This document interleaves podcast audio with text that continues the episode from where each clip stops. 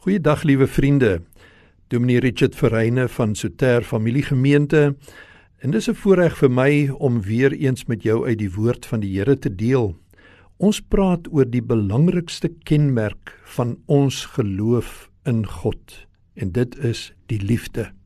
Laas keer het ons in Johannes 21 gelees hoe die Here Jesus na sy opstanding uit die dood weer aan die disippels verskyn by die see van Galilea en hoe Jesus op 'n teer en sagte manier vir Simon Petrus in 'n bekering teruglei na homself. Julle sal onthou dat Petrus het mos 3 maal die Here verloon. 3 keer daar in die oomblikke van Jesus se ergste lyding het hy ontken dat hy hom ken. Het hy eintlik voorgegee dat hy niks met hom te doen het nie. En 3 keer hier langs die see van Galilea het Jesus hom die vraag gevra: het jy my werklik lief meer as hulle ander hier? En die derde keer toe die vraag na hom toe kom, het Simon Petrus gebreek en het die bekering in sy binneste deurgebreek. En daarmee het die Here Jesus vir ons eintlik kom wys dat bekering is 'n liefdesaak. Bekering het te maak met jou hart, want jy kom na God toe met jou hele hart en jou hele wese. En onthou, miskien het jy verlede keer se boodskap ook gehoor. Ons het afgesluit met die woorde: Moenie ooit tevrede wees met godsdiens wat net reëls en wette is nie. God het jou eerste lief gehad. En wat hy gedoen het in jou lewe is oor sy liefde wat hy vir jou as 'n sondaar en 'n behoeftige mens gehad het. En wat hy nou by ons soek as hy sy redding in ons lewens gebring het, is dat ons by hom wil wees, dat ons 'n hart vol liefde vir hom het. Nou ek wil vandag as die skrifgedeelte wil ek lees dit wat Jesus in Matteus 22 geantwoord het toe 'n uh, 'n slim ou na hom toe gekom het en gevra het: "Here, wat is die groot gebod in die wet?"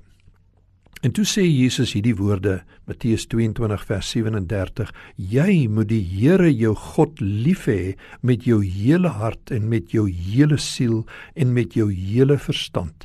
Dit is die eerste en groot gebod. En die tweede wat hiermee gelyk staan, jy moet jou naaste lief hê soos jouself. Aan hierdie twee gebooie hang die hele wet en die profete. Lief hê met jou hele hart. Jy sien 'n hart vol liefde vir God die Vader, God die Seun en God die Heilige Gees is die grootste uitvloeisel, die grootste uitkoms wat God by sy kinders soek wanneer hy sy redding in 'n lewe tot stand gebring het wanneer hy sy verlossing aan jou gebring het, wanneer sy gees by jou kom intrek het, dan is dit die grootste uitkoms wat die Here by jou as 'n weergebore kind van God kom soek. En hierdie liefde moet passievol wees. Met ander woorde, hele hart tipe liefde. Nie net woorde wat in liedjies uitgesing word nie. Onthou ons is baie keer geneig om te dink wanneer ons in die kerk kom sing of wanneer ons iewers 'n liedjie neurie of sing, dan sing ons nou regtig van die liefde vir die Here. En partykeer is dit net ons liefde vir die liedjie, ons liefde vir musiek of sang. Maar dit is so belangrik dat ons besef dat hierdie is meer en dieper en wonderliker liefde as selfs dit wat net in koue verstandswoorde of in blote liedjies uitgesing word. Dink maar byvoorbeeld aan hoe maklik ons sê, Here, ons het U lief omdat U ons eerste lief gehad het. En dis eintlik 'n verstandsgedagte, maar dit moet dieper as dit insink. Jesus sê met jou hele hart, met jou hele siel en met jou hele verstand. Ek onthou toe ons destyds die eerste keer met die gospelsanger Matt Redman se sang te make gekry het. Dit het baie mense en ook vir my baie diep getref. Dit was asof daar 'n diepte in die woorde was wat hy gesing het. Hy het byvoorbeeld gesing van nothing but the blood of Jesus, maar daar was iets in dit. Daar was iets spesonders. Daar was 'n teenwoordige passie in die liedere wat hy gesing het. En ek het so 'n bietjie gaan nalees en toe kry ek die storie agter dit. Matt Redman en sy band Watford Soul Survivor Ministry het in Engeland 'n uh, baie groot sukses behaal met hulle gospel sang. Elke jaar het hierdie orkes en hierdie sanggroep 'n openbare gospelkonsert met skares van mense wat gekom het aangebied. 20000, 25000 mense wat toegestroom het na hierdie gospelkonserte toe en hulle het betaal om hierdie pragtige geleentheid by te woon. Maar Matt Redman en sy span was eintlik in 'n tuisgemeente, taamlik 'n groot gemeente hoor, was hulle ook betrokke en daar het hulle die verantwoordelikheid gehad om die praise and worship te lei in die gemeente. Maar in die gemeente was die Here op 'n baie diep en kragtige wyse aan die werk. 'n Werk van herlewing was besig om daar uit te bot en die leraar het met Matt Redman kom gesels en vir hom gesê, weet jy, die Here is so diep met ons besig hier. En nou het ek net hierdie bewussyn dat miskien is dit sodat ons mense so bietjie meer fokus op die musiek en die sang as wat hulle fokus op die Here na wie toe ons kom en in wie se teenwoordigheid ons inbeweeg. Hy sê so ek wil vra dat ons vir 'n tyd lank die musiek en sang eers moet ophou. Eenkant sit en dat ons mense geleentheid gee om eenvoudig in die stilte van die erediens in te kom en daar te kom stil word in die teenwoordigheid van die Here sonder musiek en sonder sang en net vir wie God is dat hulle hom kom aanbid. Nou Dit was nog al 'n taamlike skok vir Matt Redman en sy span.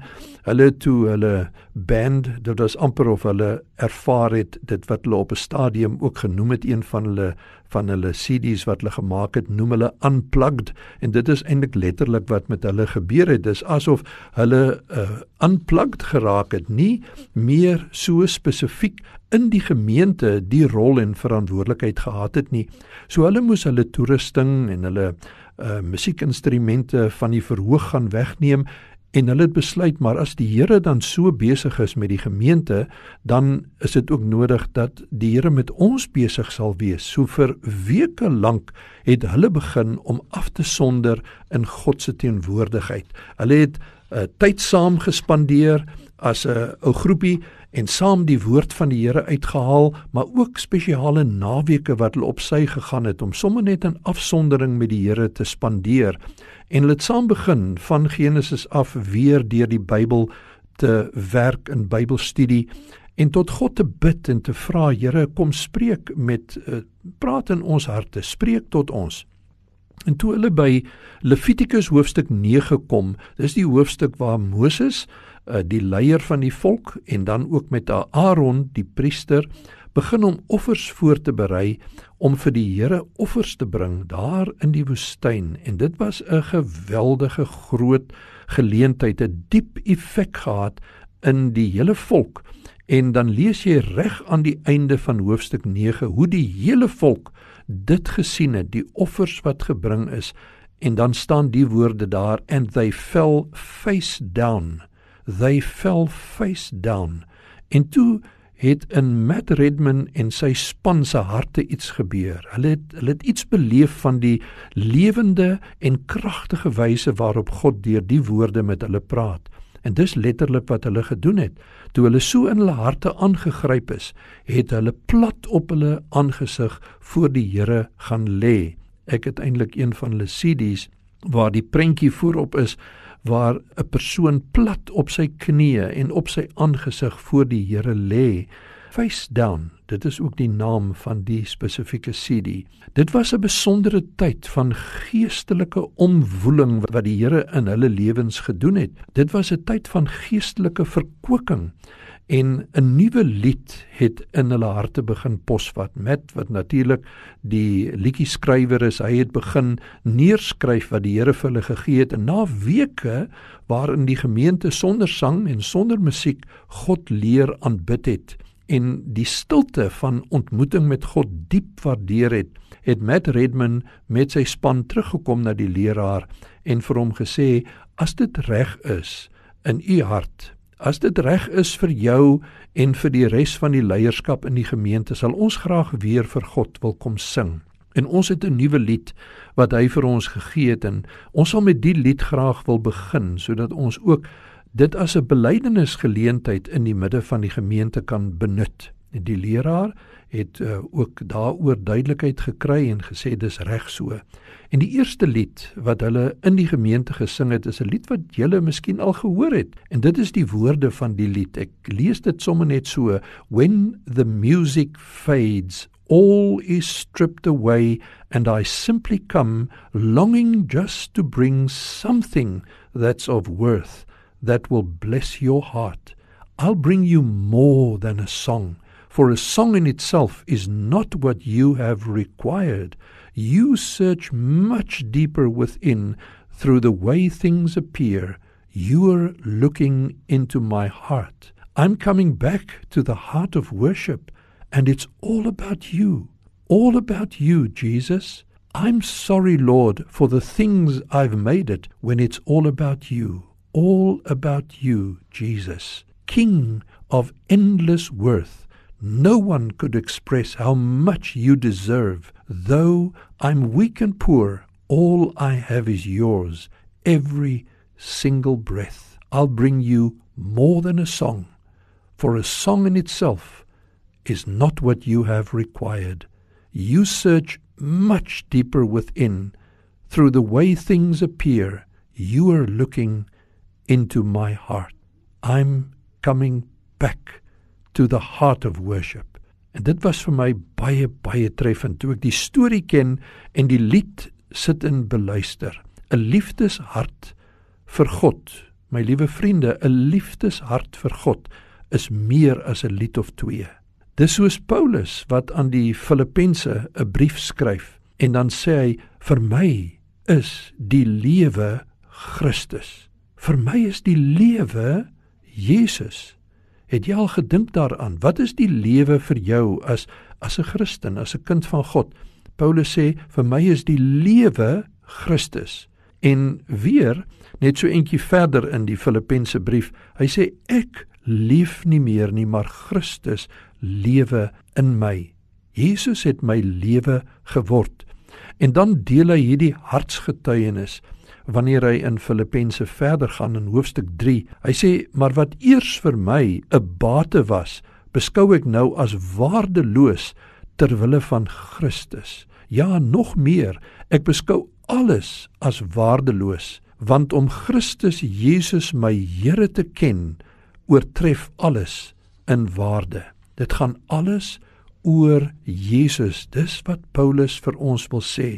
En dis asof hy met die woorde in Filippense 3 sê, my passie is Jesus. Hy alleen, hy bo alles. Ons hoogste liefde moet vir ons God wees. Ons hoogste liefde vir God in Christus en deur Christus om hom te ken, hom te behaag, hom te verheerlik. Jy sien as enigiets anders vir my 'n hartspassie word. Hoor jy? Mooi wat ek sê?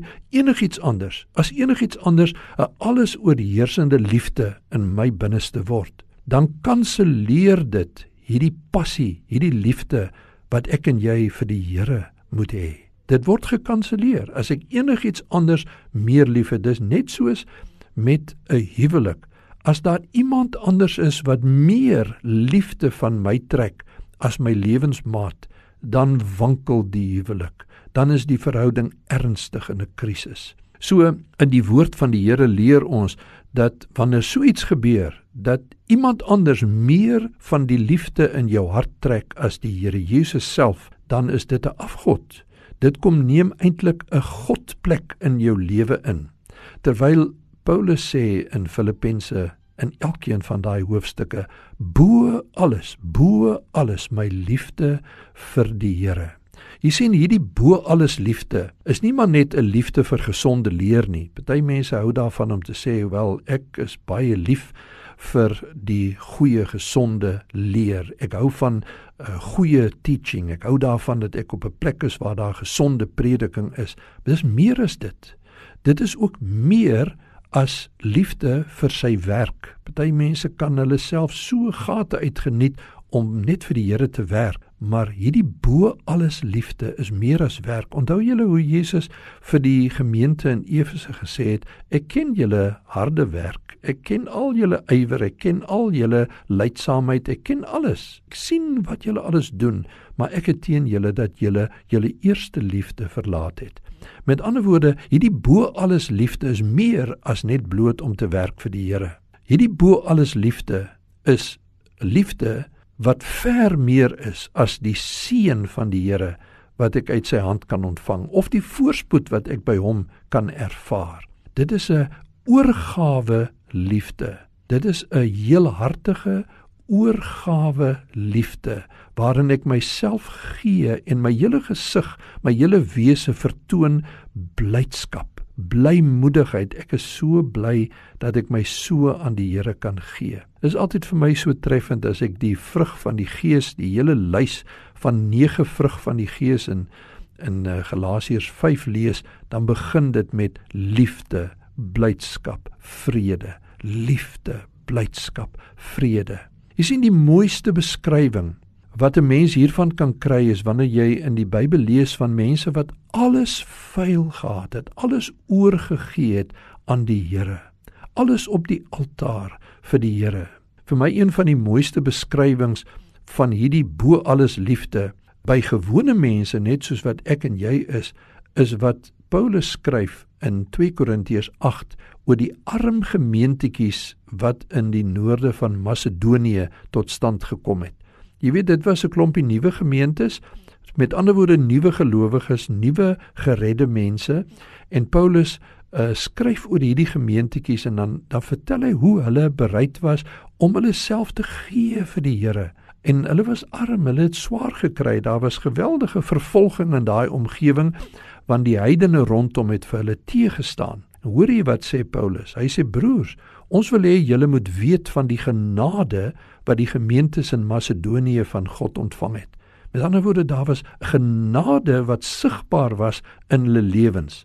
Hy sê, al was hulle swaar beproef deur verdrukking, hulle blydskap was oorvloedig. Hulle was blymoedige mense, hulle gesigte het dit gewys. Hulle geniet dit om vir die Here te lewe.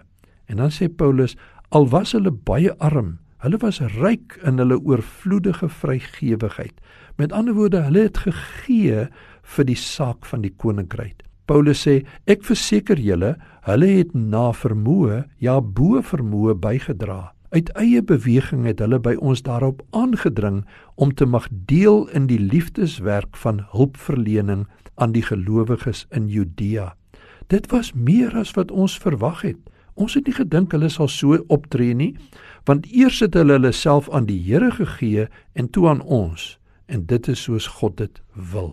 Jy sien hierdie mense, hulle is verdruk, maar hulle blymoedigheid bars deur dit alles uit. Hulle is arm, maar hulle is ryk in hulle oorgawe aan die Here. Niemand het verwag dat hulle iets vir die Here en vir sy koninkryk sou oor hê nie, maar hulle was so lief vir die Here dat hulle bekers vir hom oorgeloop het. Hulle het hulle self aan die Here gegee en toe aan ons, sê Paulus. Dit is vir my die prentjie van 'n groot beker en binne-in is hierdie gemeentetjies van Macedonië en binne-in gegooi is daar 'n klomp swaar kry en is daar 'n klomp armoede en behoeftes maar binne-in dit ook ingegooi is God se werk van genade en die blydskap van die Heilige Gees wat in hulle woon is so oorweldigend dat hierdie beker lê nie stil nie, hy loop oor.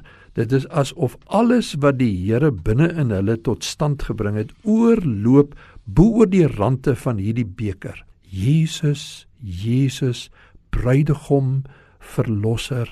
Sy naam moet vir jou en vir my so soet wees. Daar's 'n ou liedjie wat ek uh, mee groot geword het en dit sê there is a name I love to hear. I love to sing its worth. It sounds like music in my ears, the sweetest name on earth. Oh, how I love Jesus because he first loved me. Dit is eintlik die doel waarom God sy woord vir jou en vir my gegee het. As ons die Bybel so in ons hand hou, dan is dit die doel vir die Bybel is om by jou en my 'n intense persoonlike liefde vir Jesus te laat opspring. Kom ek sê vir jou, dit is die doel waarom die redding van God na jou toe gekom het. Die redding van jou siel en my siel is eintlik met hierdie doel dat ek en jy in 'n liefdesverhouding met hom kan kom en 'n liefdeslewe met Jesus kan lei. In gebed, weet jy dat gebed beteken dat ek my oë vol liefde na Jesus toe draai. Turn your eyes upon Jesus. Kyk op in sy vriendelike gesig. En dan begin iets gebeur. Iets spring in jou binneste op wanneer jy met hom in gemeenskap kom en wanneer jy sy stem hoor. Net soos toe Maria by Elisabet aangekom het en dan hoor sy die stem en dan dan spring die baba wat in haar binneste is, uh, Johannes wat op pad was om gebore te word, spring hy op in haar binneste. Dis wat gebeur in gebedsgemeenskap. Sê vir my, sê vir my, is jy nog verlief op Jesus? Sê vir my, is daai eerste liefde nog in plek in jou lewe? In Johannes 14 vers 21 sê Jesus vir sy disippels: "Wie my liefhet, hom sal my Vader lief hê, en ek sal hom ook lief hê en my aan hom openbaar." Om Jesus lief te hê sal van jou en my blymoedige Christene maak. Dit sal ons gebedslewe verdiep sodat beide in die gemeenskap met God ons dit sal geniet en ons ook kragtig gebruik sal word in voorbidding. Weet jy dit sal ook van jou 'n stralende getuie maak en van my net soos Stefanus toe hy getuig het daarin in Handelinge word dit beskryf dat almal het gesien hoe sy gesig verander dit skyn met blydskap en vreugde. Weet jy, dit sal van jou iemand maak wat meer bewus is van God se alomteenwoordigheid in jou lewe. Hulle het een keer vir die sendeling Hudson Taylor in China gevra, "Wat is die grootste dryfkrag vir sendingwerk?" Sonder om 'n oomblik te huiwer het hy gesê, "Die liefde vir Jesus. Die liefde vir Jesus." My liewe vriende, kom ons steek ook hierdie vuurtjie van wederliefde in ons harte op vir Jesus. Dis wat nodig is in hierdie tye waarin ons leef. Here, dankie vir u woord. Dankie vir u onuitspreeklike groot liefde, diep en wyd en hoog en lank, wonderlike wonderlike liefde. Dankie dat U U liefde deur die Heilige Gees in ons harte uitgestort het. En nou Here wil ons hierdie liefde oor die rande van die beker laat loop. Ons wil soos Dawid sê, my beker loop oor met 'n liefde vir die Here, 'n liefde vir sy saak, 'n liefde vir sy kerk, 'n liefde vir gemeentes, 'n liefde vir verlore siele. Dankie Here dat U ons harte liefdesharte gemaak het. Ons eer U daarvoor. En dan, liewe vriende, sê ons amen daarop. En ons wil vir jou sê, as jy behoefte het om bietjie meer raad te kry, bel gerus in na 104 FM Radio Tygerberg of jy kan vir my skakel Dominee Richard Verreyne 083 2611 027 of net sommer 'n boodskapie stuur. Die Here seën vir jou met sy liefde.